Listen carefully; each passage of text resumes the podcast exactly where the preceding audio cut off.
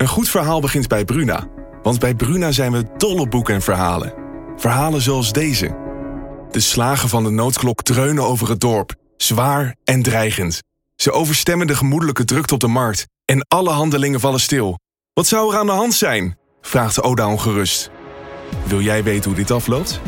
Je leest het in Bloedlijn van Simone van der Vlucht. Nu bij Bruna. Bevingen van 2,5 op de schaal van Richter voel je niet of nauwelijks, was getekend Henk Kamp. Het Groningen gas, de aardbevingen en zijn naam zijn onlosmakelijk met elkaar verbonden. Soms zelfs op onverklaarbare wijze. De nacht voordat de oud-VVD-minister voor de parlementaire enquêtecommissie in Den Haag verscheen, trilde de Groningen bodem. 2,3 op de schaal van Richter. Vanaf het Hoge Land kwamen meldingen van mensen die angst hadden. Het instituut Mijnbouwschade noteerde 74 schademeldingen. En één mogelijk acuut onveilige situatie. Bevingen van 2,5 op de schaal van Richter voel je niet of nauwelijks. Dit is naschokken.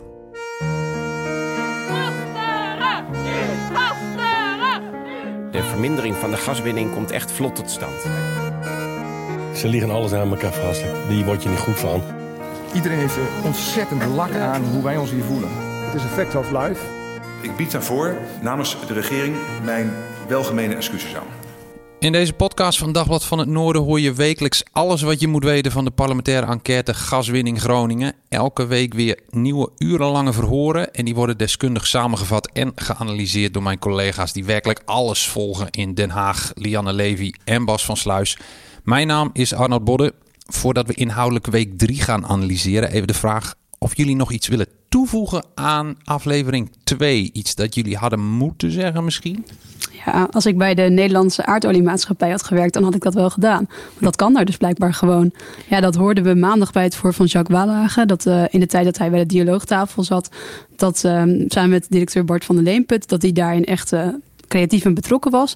En dan later kregen ze het verslag terug. En daarin stonden dan dingen die hij helemaal niet had gezegd. Maar die had hij volgens de afdeling legal van Shell en NAM had hij dat moeten zeggen. Dus dat werd eraan toegevoegd. Gewoon even de toekomst herschrijven. Nou, klinkt goed. De dialoogtafel. Ja, in het leven geroepen om het vertrouwen tussen Groningers, de politiek en de NAM te herstellen. Laten we aftrappen uh, met een man die als bestuurder onlosmakelijk verbonden is met vooral het wantrouwen uh, dat zich van onze provincie meester maakte toen de gaswinning in 2013 naar recordhoogte steeg na de grote klap bij Huizing in 2012 en na de waarschuwingen van staatstoezicht op de mijnen. De winning moest eigenlijk zo snel als mogelijk omlaag. VVD-minister Henk Kamp. Hij bestelde toen eerst maar eens 14 onderzoeken en hij legde aan de parlementaire enquêtecommissie nog eens uit waarom. Ik wilde geen besluit nemen over die, uh, die winning, omdat ik vond dat ik geen, geen onderbouwd besluit kon nemen. Ik vond dat de informatie voor zo'n besluit, groot ja. of klein, die, die was er niet. Nee. En als de informatie onvoldoende is en je weet niet wat de consequenties van een besluit zijn.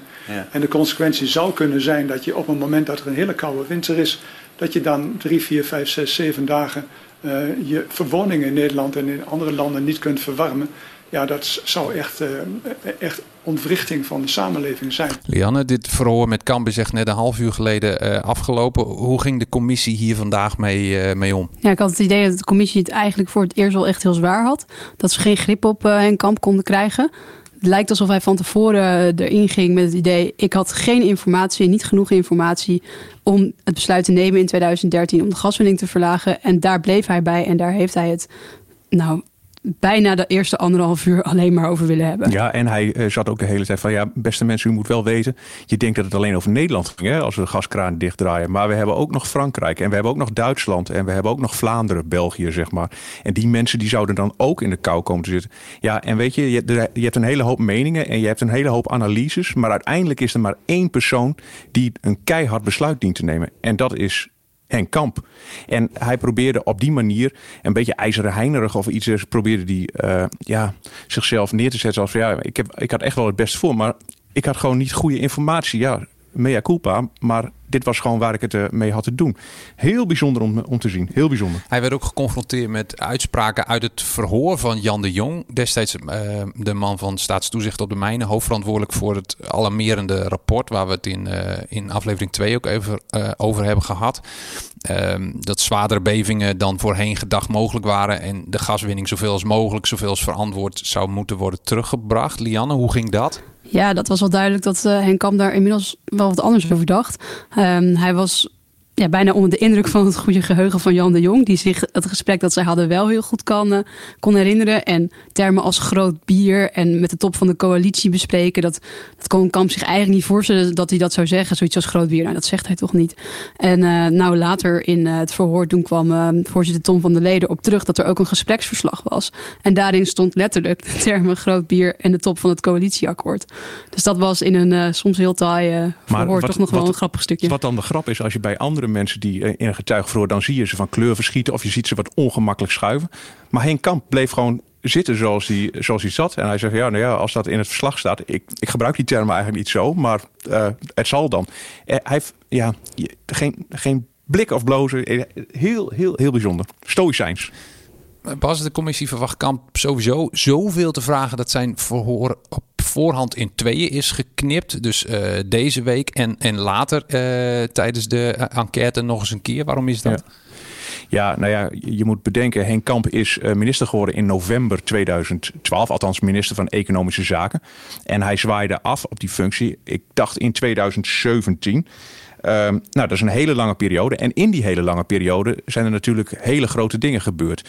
Kijk, Huizingen heeft hij niet meegemaakt. Maar enkele maanden daarna was hij al minister. En moest hij gelijk al een klap geven. Ga, gaan we omlaag met die gaswinning? Nou, dat, we weten allemaal dat dat niet is gebeurd. Integendeel zelfs. Uh, eind van dat jaar uh, moest hij opnieuw kijken naar een winningsbesluit. En wilde die omlaag. Maar ja, had hij te maken met ook een, een overheid en een staatskasse dat nagenoeg leeg, uh, leeg was. Althans, er, waren, er lagen grote uitdagingen, hebben wij ook alweer weer vernomen.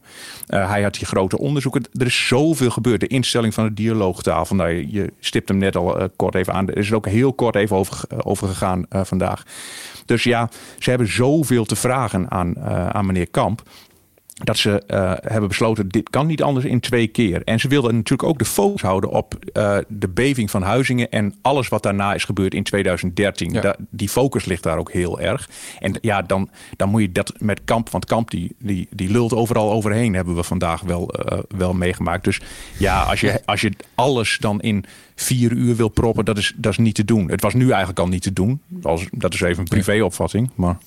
Wat ik me nog kan herinneren van interviews die ik wel eens had met Henk Kamp en ook van debatten in de Tweede Kamer, was dat hij zich niet graag liet onderbreken. Lian, hoe ging dat vandaag met de commissie? Nou, hij laat zich niet graag onderbreken, maar hij onderbreekt wel graag zelf. dat uh, vond ik heel erg opvallend. Ja, hij wilde zijn punt maken en meneer Van der Lee, mag ik dan toch nog iets zeggen? En uh, zo ging dat. Ja, ja. Kamp trok echt volledig zijn eigen plan. Lianne stipt het net en terecht ook heel goed aan. Hij, hij is in die wedstrijd gaan zitten van ja jongens, uh, jullie kunnen me wat. Ik, uh, ik ga gewoon mijn eigen gang. En uh, ik geef antwoord, maar af en toe herinner ik me dingen niet. Oh ja, zegt u dat? groot bier? Nou, zijn echt geen woorden. Oh, dat heb ik toch gezegd. Nou ja, prima. Maar weet u wel wat ik in 2014 heb? Ja, maar we willen het niet over 2000. Ja, maar toch maar even. In 2014 heb ik dat zo gedaan. En ja, dat, Stineke van der Graaf en Tom van der Lee, die deden het, het, het verhoor. En de commissie doet echt goed werk, vind ik zelf hoor. Um, nogmaals, ik heb het al een keer eerder gezegd, geen rapportcijfers. Maar deze keer, Henk Kamp was echt ongrijpbaar. Ongrijpbaar. Al die interrupties van, van zijn kant en uh, het feit dat Henk Kamp zijn eigen plan trok, uh, was het niet ook een manier om het, het gesprek uh, ja, te laten ontsporen, om de ogen van de bal te krijgen, zeg maar? Ja, joh, dat, hij deed niet anders dan zand gooien in de ondervragingsmachine, zeg maar. hij begon opeens over, weet u wel, zo'n beving van 2,5, die voel je eigenlijk niet of nauwelijks. En iedereen op de tri publieke tribune ook en, en bij de pers, die keek elkaar van, zegt hij dat nou echt? En ik denk dan alleen maar, en ik weet het niet zeker, hè, maar dit is even mijn gevoel. Hij doet dat expres. Net zoals dat hij opeens heel verontwaardigd was van. Hij heeft meerdere malen gezegd hè, in 2013 Gewoon met strak gezicht. In 2013 waren er gewoon minder bevingen dan in 2012. En dan gaat Peter Quint, die zegt dan van... Peter Quint is een commissielid, even voor de goede orde. Die zegt van ja, maar Wij, onze informatie is echt anders. Oh ja, heeft u die informatie? Oh, nou ja, nou dan moet ik me nog maar eens even... Ja, laten we de, discussie hier dan ook niet voeren. En het, was, het, het leidde dus eigenlijk zo enorm af. Eh, je, je zou er bijna respect voor moeten hebben als het, als het niet zo serieus uh, uh, was. En dat, en dat vond ik wel heel, heel jammer. Het, het, was gewoon, ja, het leek wel een spel voor hem. Nogmaals, ik kan niet in zijn hoofd kijken. Maar uh, het was overduidelijk dat hij van plan was om de regie te nemen. En ik moet het hem nageven, het is hem wel gelukt. Uh, hij liet zich moeilijk overtuigen van een aantal uh, feiten die gewoon uh, duidelijk zijn. Meerdere keren ging het ook even over de onrust in, in Groningen. De verontwaardiging, de woede. Ehm, Kamp zei in het verleden vaak dat hij zich daar van alles bij voor kon stellen. Maar je proefde eigenlijk nooit de empathie. Um, werd vandaag andermaal duidelijk dat Kamp eigenlijk een, een, een, ja, zoals je dat zegt, een systeemdenker is. met andere woorden, dit waren de afspraken, zo moesten we doen, dus zo deden we het.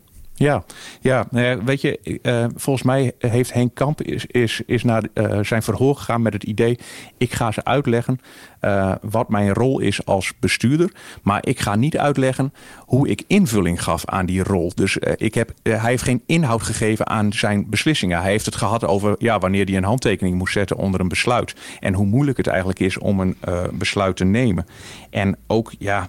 Uh, uh, wat, ik, wat ik al eerder ook aanstipte over die mensen uh, die, die in Nederland wonen, maar ook in Duitsland en in België. We moeten vooral ook aan de Belgische mensen denken. En daarmee hield hij de boot heel erg af van de diepte ingaan over de inhoud. En dat heeft hij knap gedaan. Maar ja, dat is natuurlijk niet waarvoor zo'n parlementaire enquête uh, is ingesteld. Nee. Hij haalde op een gegeven moment de reconstructie aan van economische zaken. Gemaakt voor een rapport uit 2015 van de Onderzoeksraad voor Veiligheid. Over de processen en besluitvorming van de gaswinning. Sinds de ontdekking van de gasbel in Groningen. Laten we daar even naar luisteren. En uit die reconstructie haal ik uh, op dat er uh, geen 3 miljard nodig was voor die koude winter maar dat er anderhalf miljard kubieke meter voor die koude winter nodig was. Ja. Ik haal daaruit op dat er voor de extra opslag geen anderhalf miljard kubieke meter nodig was, maar dat er 0,4 miljard nodig was. Ja. En ik haal daaruit op dat voor de kleine velden ging het niet om 0,5, maar 0,7 die minder geproduceerd was door die kleine velden. Ja. En daar stond vervolgens bij dat er uh, ook optimalisatie heeft plaatsgevonden. En die optimalisatie was dat de laagcalorisch Groningen gas dat kon bij dat hoogcalorische gas ingemengd worden. Zonder dat de kwaliteit van dat hoogcalorische gas veranderde. Dus er is, dat is gewoon gedaan om extra te kunnen verkopen. En daar had ik een, eh, een, een rotgevoel over. Dat die informatie die ik ook aan de Kamer heb verteld, die 3, anderhalf en 0,5, dat dat dus achteraf anders bleek te zijn. En dat er bovendien gewoon bewust extra gas um, verkocht was. Al die getallen zijn misschien wat technisch, maar wat gebeurde hier? Nou ja, uh, hij vertelt dus eigenlijk dat hij de Tweede Kamer verkeerd heeft geïnformeerd. Uh, Henk Kamp heeft altijd gezegd, van, en we hebben het nu over de hoge gaswinning in 2013. Hè, daar is uh, bijna 54 miljard kub uit uh, de grond van Groningen uh, gehaald, gewonnen. en hij heeft al gezegd, ja, maar we hadden een hele koude winter. En er waren ook kleine velden, die leverden minder dan wij, dan wij hadden gehoopt. En eigenlijk zegt hij hier met heel veel cijfers: ja, die informatie klopt niet. SEC kwam het er gewoon op neer. We hebben extra gas uit Groningen gewonnen om meer geld te kunnen verdienen. Dus uh, niks geen veiligheid, niks uh, koude voeten voor mensen uit, uh, uit Vlaanderen. Het ging gewoon SEC om extra gas verkopen. En dat is bewust gedaan.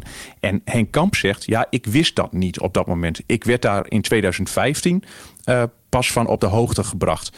Ehm, ik moet zeggen dat dat wel uh, redelijk overkwam trouwens. En hij, dat hij daar, mocht hij al iets van emotie uh, hebben kunnen uitstralen tijdens, uh, tijdens dat verhoor van, van net, dan was het wel dat moment. En hij had daar dus een rotgevoel over. Nou, ja. daar kan ik me voorstellen dat je daar een rotgevoel over hebt. Want de, als minister de Tweede Kamer verkeerd informeren, we noemen dat een doodzonde, toch? Lianne, was dit het belangrijkste moment van de enquête tot nu toe? Nee, ik denk niet dat dit het belangrijkste moment was. Voor mij was dat eerder vorige week toen uh, topambtenaar Jos de Groot eigenlijk vertelde waarom er in 2013 zoveel gewonnen werd, dat het om financiën ging.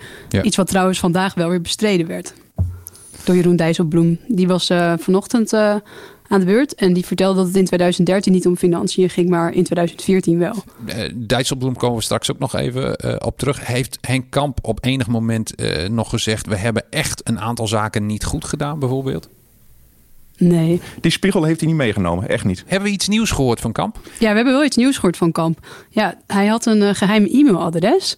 En daarmee mailde hij ook zakelijk. En uh, hij wist het allemaal niet zo goed meer. Dus op een gegeven moment vroeg die Stineke van der Graaf van...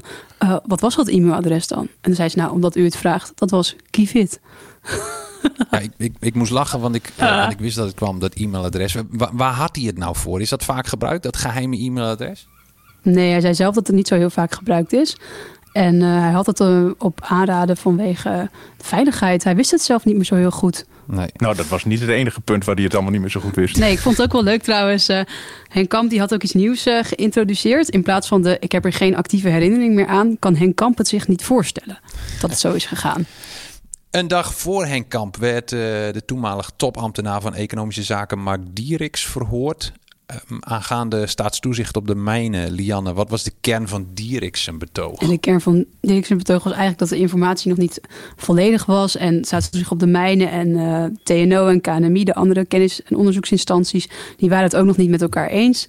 En Dieriks noemde het ook uh, de opvatting van staatstoezicht op de mijnen. Wat ik wel weer heel typerend vind, want vorige week noemde een andere topambtenaar de opinie van staatstoezicht op de mijnen. Dus dat zegt wel iets over hoe er vanuit de top van het ministerie naar de eigen toezichthouder werd gekeken. Maar als ik daar eventjes op mag inhaken. Uh, zowel Henk Kamp als Dijsselbloem deden ook heel erg hun best om uh, staatstoezicht op de mijnen uh, in het hoekje te drukken. Dat ze het eigenlijk ook allemaal niet meer, meer zo wisten. En ik weet hoe we gaan, we gaan vast nog wel over Dijsselbloem. Maar ik, ik, ik vind dit eigenlijk ook heel frappant. Want daar hebben we dus serieuze wetenschappers hè, die aan de bel trekken. En die zeggen van jongens, we hebben hier een veiligheidsprobleem. We moeten omlaag met die gaswinning. En uh, die topambtenaren, zoals Lianne zegt. Maar ook gewoon de, de ministers hè, die zeggen van ja, nou ja, het zal allemaal wel. Maar... zo overtuigd waren. Het was ook allemaal een beetje warrig. En het, ging, uh, het sprong van de ene kant naar de andere kant, zei, zei Dijsselbloem. Dat vond ik echt bizar. Echt bizar. En, en nog even over Dieriks. Het, het viel mij op. Hij uh, vertelde dat hij Verhagen en Kamp uh, over essentiële informatie niet had geïnformeerd. Ja, Mark Dieriks die heeft een advies van uh, staatstoezicht op de mijnen dat er een groot probleem was na de beving van Huizingen, heeft hij niet gedeeld met zijn minister Maxime Verhagen. Omdat Maxime Verhagen toen al hartstikke demissionair was en uh, bijna nooit aanwezig. Hartstikke demissionair en, en nooit aanwezig waren dan de woorden van Dieriks. Ja, dat zijn niet mijn woorden. Nee, heel goed dat je het zegt. zijn de woorden van Dieriks. En vervolgens heeft hij ook met de volgende minister, Henk Kamp, heeft hij meerdere keren belangrijke informatie niet gedeeld. Bijvoorbeeld informatie van Gastella dat er minder gas in Groningen kan worden gewonnen zonder dat dat gevaar heeft voor de leveringszekerheid. Maar ook toen de winning in 2013 wel heel hoog bleek uit te vallen, richting de 53 miljoen. Dat wist Dieriks al in het begin van het jaar, maar dat heeft hij pas in mei aan Henk Kamp verteld. Nou ja, ik vind dat sowieso bizar als je dat dan hoort. Hè. En wat dat volgens mij uh, aan is dat deze topambtenaar uh, gewoon zijn eigen plan aan het trekken was en heerlijk op de stoel is gaan zitten, op de politieke stoel is gaan zitten van zijn baas en het idee had van ja, ik informeer ze gewoon niet, ik, ik weet het beter. Dat is, dat is eigenlijk bizar. De ambtenaar zat op de stoel van de minister. De week trapte af met mensen uit de regio. Jacques Wallagen, eerder al genoemd. Oud-commissaris uh, van de Koning Max van den Berg. En Jelle van der Knoop van de Groningen Bodembeweging. Daar komen we straks nog op. Max van den Berg zei dit over premier Mark Rutte. Hij hoorde het heel goed aan. Had mm. in tegenstelling tot Kamp, die veel harder en afhoudender in was, kon hij ook meedenken en uh, dat ook zien. Maar vervolgens er niks mee doen. Dit is alleen maar meer reden om uit te kijken naar het verhoor van Rutte, toch? Ja, absoluut. Ja. Lijkt me wel. Jeroen Dijsselbloem werd ook gehoord uh, deze week. Zijn verhoor was uiteindelijk een mooi inkijkje, vond ik, in hoe het eraan toe gaat in de politiek-bestuurlijke top van ons land. Want we luisteren even naar wat Dijsselbloem zegt over de tegenstrijdigheid in 2013. Het jaar waarin dus wordt bestudeerd hoe de winning juist omlaag zou moeten. Iedereen verwacht dat de winning in ieder geval niet omhoog gaat. Dijsselbloem noemt dat een standstill. Maar uh, een record hoeveelheid gas wordt gewonnen. Ik denk dat ik toen de aanname had dat het een standstill zou zijn terwijl we zouden studeren. Dat ligt natuurlijk voor de hand als je een, mogelijk een besluit moet nemen de gaswinning terug te dringen. Maar je weet nog niet precies hoe en hoeveel en hoe snel. En je gaat daarop studeren. Dan ligt het voor de hand dat je niet ondertussen de gaskraan verder opendraait. Dus daar zat ook mijn enorme verbazing dat dat was gebeurd. Ja. Maar ik had het moeten zekerstellen. Dit is pijnlijk, toch, Lianne? Ja, dat is heel pijnlijk. Ja. En je kon ook nog steeds wel zien dat hij er eigenlijk wel heel boos over was. Dat dat uh, toen er tijd gebeurd is. En dat, dat is, vindt hij nog steeds niet oké. Maar wat ik toch wel heel bijzonder vind, is dat dan vervolgens een jaar later wil minister Henk Kamp naar de 40 miljard kuub. En dan is het vervolgens Dijsselbloem die zegt: nee, we kunnen beter naar 42,5 miljard kuub, want we hebben het geld nodig voor de begroting. Dus dat is dan wel dat is eigenlijk, uh, hij zegt de enige keer dat ik me actief uh, daarmee heb bemoeid, is dat ik de gasbaten opeens heel belangrijk uh, vond. Dat was in 2013 niet zo, dat bezweert hij. in 2014 inderdaad, Kamp wilde iets lager. Hij zei van nee, we doen, van, ze hebben met elkaar gemaild. Vanuit, hij zat in Singapore, werd duidelijk. Van ja, ik ga gewoon niet akkoord met, jou, met jouw 40 miljard. Want dat, we kunnen het geld gewoon heel goed gebruiken. Het, we moeten al zoveel, zoveel besparen. Dus dat speelt dan altijd op de achtergrond. En dat zei Dijsselbloem eigenlijk ook gewoon. Ja, weet je, ik kan het ook niet mooi maken. Financiën spelen altijd een rol. Altijd. Ik vermoed dat vandaag, de dag van het eerste verhoor van Henk Kamp, de beeldschermen in Groningen wel op Den Haag stonden uh, afgesteld. In de rubriek Ik Kijk, volgende verslaggevers van Dagblad van het Noorden, de verhoren samen met inwoners van onze provincie. En in deze derde week keken we onder andere met Geert-Jan Reinders, 70 jaar uit Loppersum, in de tijd dat Loppersum epicentrum was van alle bevingsellende. Op de vraag wat hij verwacht van de parlementaire enquête, zegt hij er komt van alles naar boven over wat er fout is gegaan. Ehm, waar ik benieuwd naar ben, is wat er gebeurt met de mensen die aansprakelijk zijn. Straks is het klaar en dan worden ze vervolgd, gaan ze de gevangenis in. Ehm, Bas, dat, dat lijkt me vrij stevig misschien, maar misschien kun jij deze vraag beantwoorden. Nou, een parlementaire enquêtecommissie is geen tribunaal. Volgens mij moeten we dat even heel goed uh, vaststellen. Het kan uh, allemaal, ze kunnen vervolgd worden voor mijn eet. Dus als ze aantoonbaar, maar bewijs dat maar, dat ze aantoonbaar liegen over iets. En dan is het al heel gemakkelijk om te zeggen van ja, ik herinner me dit, dit niet. Dan ben, je, dan ben je vanaf, om het zo maar te zeggen. Het gaat gewoon om waarheidsvinding. En kun je iets, iets ja. verbeteren. En volgens mij uh, komt hier uh, aan het einde echt wel een rapport uit waarvan wij ook in Groningen zeggen van nou oké, okay, het neemt uh, de ellende en de pijn niet weg, maar misschien hebben we er nog wel wat aan. Geen tribunaal dus. Nee, wat is er gebeurd en waarom? Lianne, wie worden er volgende week verhoord? Volgende week worden er drie oud-Kamerleden verhoord. René Leegte, Lisbeth van Tongeren en Jan Vos. En woensdag wordt oud-gedeputeerde William Moordag gehoord. En Willem Meijborg, dat is de kleinzoon van ook Willem Meijborg. Die de eerste was die zei, oh pas op, Willem dit komt niet goed. Uh, meerdere Tweede Kamerleden dus. Wat verwachten we daarvan? Ik ben heel erg benieuwd naar René Leegte. En of we antwoord gaan krijgen met wie hij in 2015 in de trein belde. Hij was toen uh, op weg terug naar huis vanaf een werkbezoek in Groningen. En toen was hij met persoon X aan het praten over de gaswinning en hij had gezegd dat uh, nog maar duidelijk moest worden of er een relatie was tussen de, tussen de gaswinning en de aardbevingen. Wat toen echt al lang en breed duidelijk was.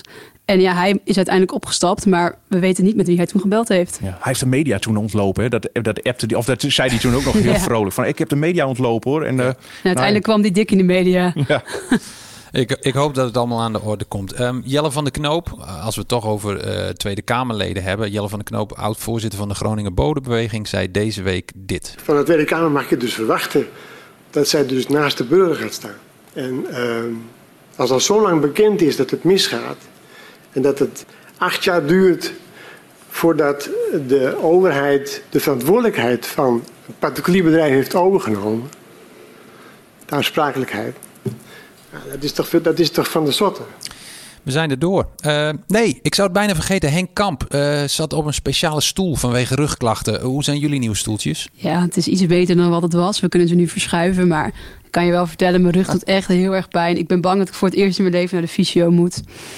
Het is niet best. Bas? Ja, nou, weet je, ik, ik, ik, ja, ik zeg maar van we hebben, we hebben urenlange verhoren en ik, ik val van de ene verbazing in de andere. En ja, het is vervelend, maar tegelijkertijd het is ook prachtig om, er, om erbij te zijn, om te, om te zien hoe, hoe, hoe, die, hoe alles werkt. En ja, god, ja.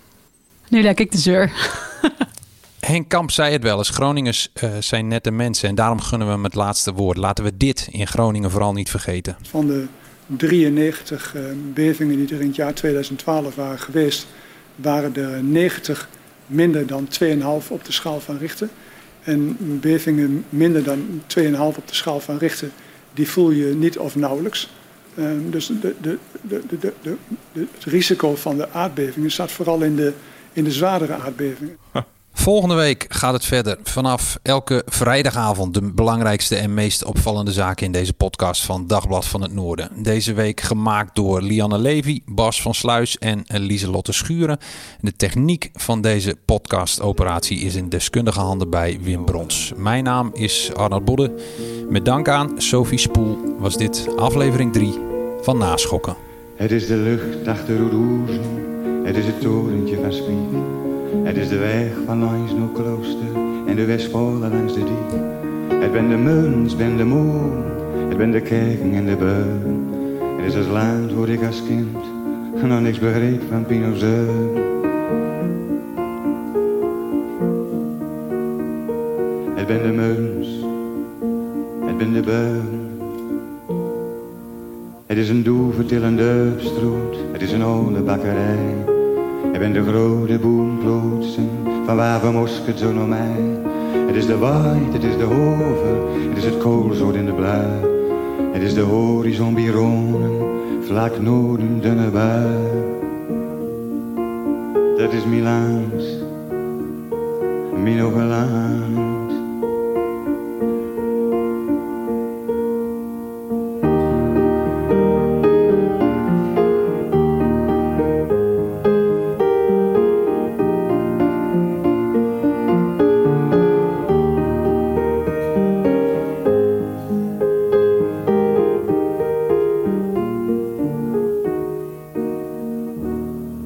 Is een mooie oom die mij een kouhuis nekt in gruiluid. Ik heb voor het eerst hem overkeerd en vuil de vonk van die naad. De wilde plan die ik had, komt zeker niks meer van terecht. Totdat de nacht van het hoge land een donker kleid over ons legt. Dat is Milaan, mijn hoge land.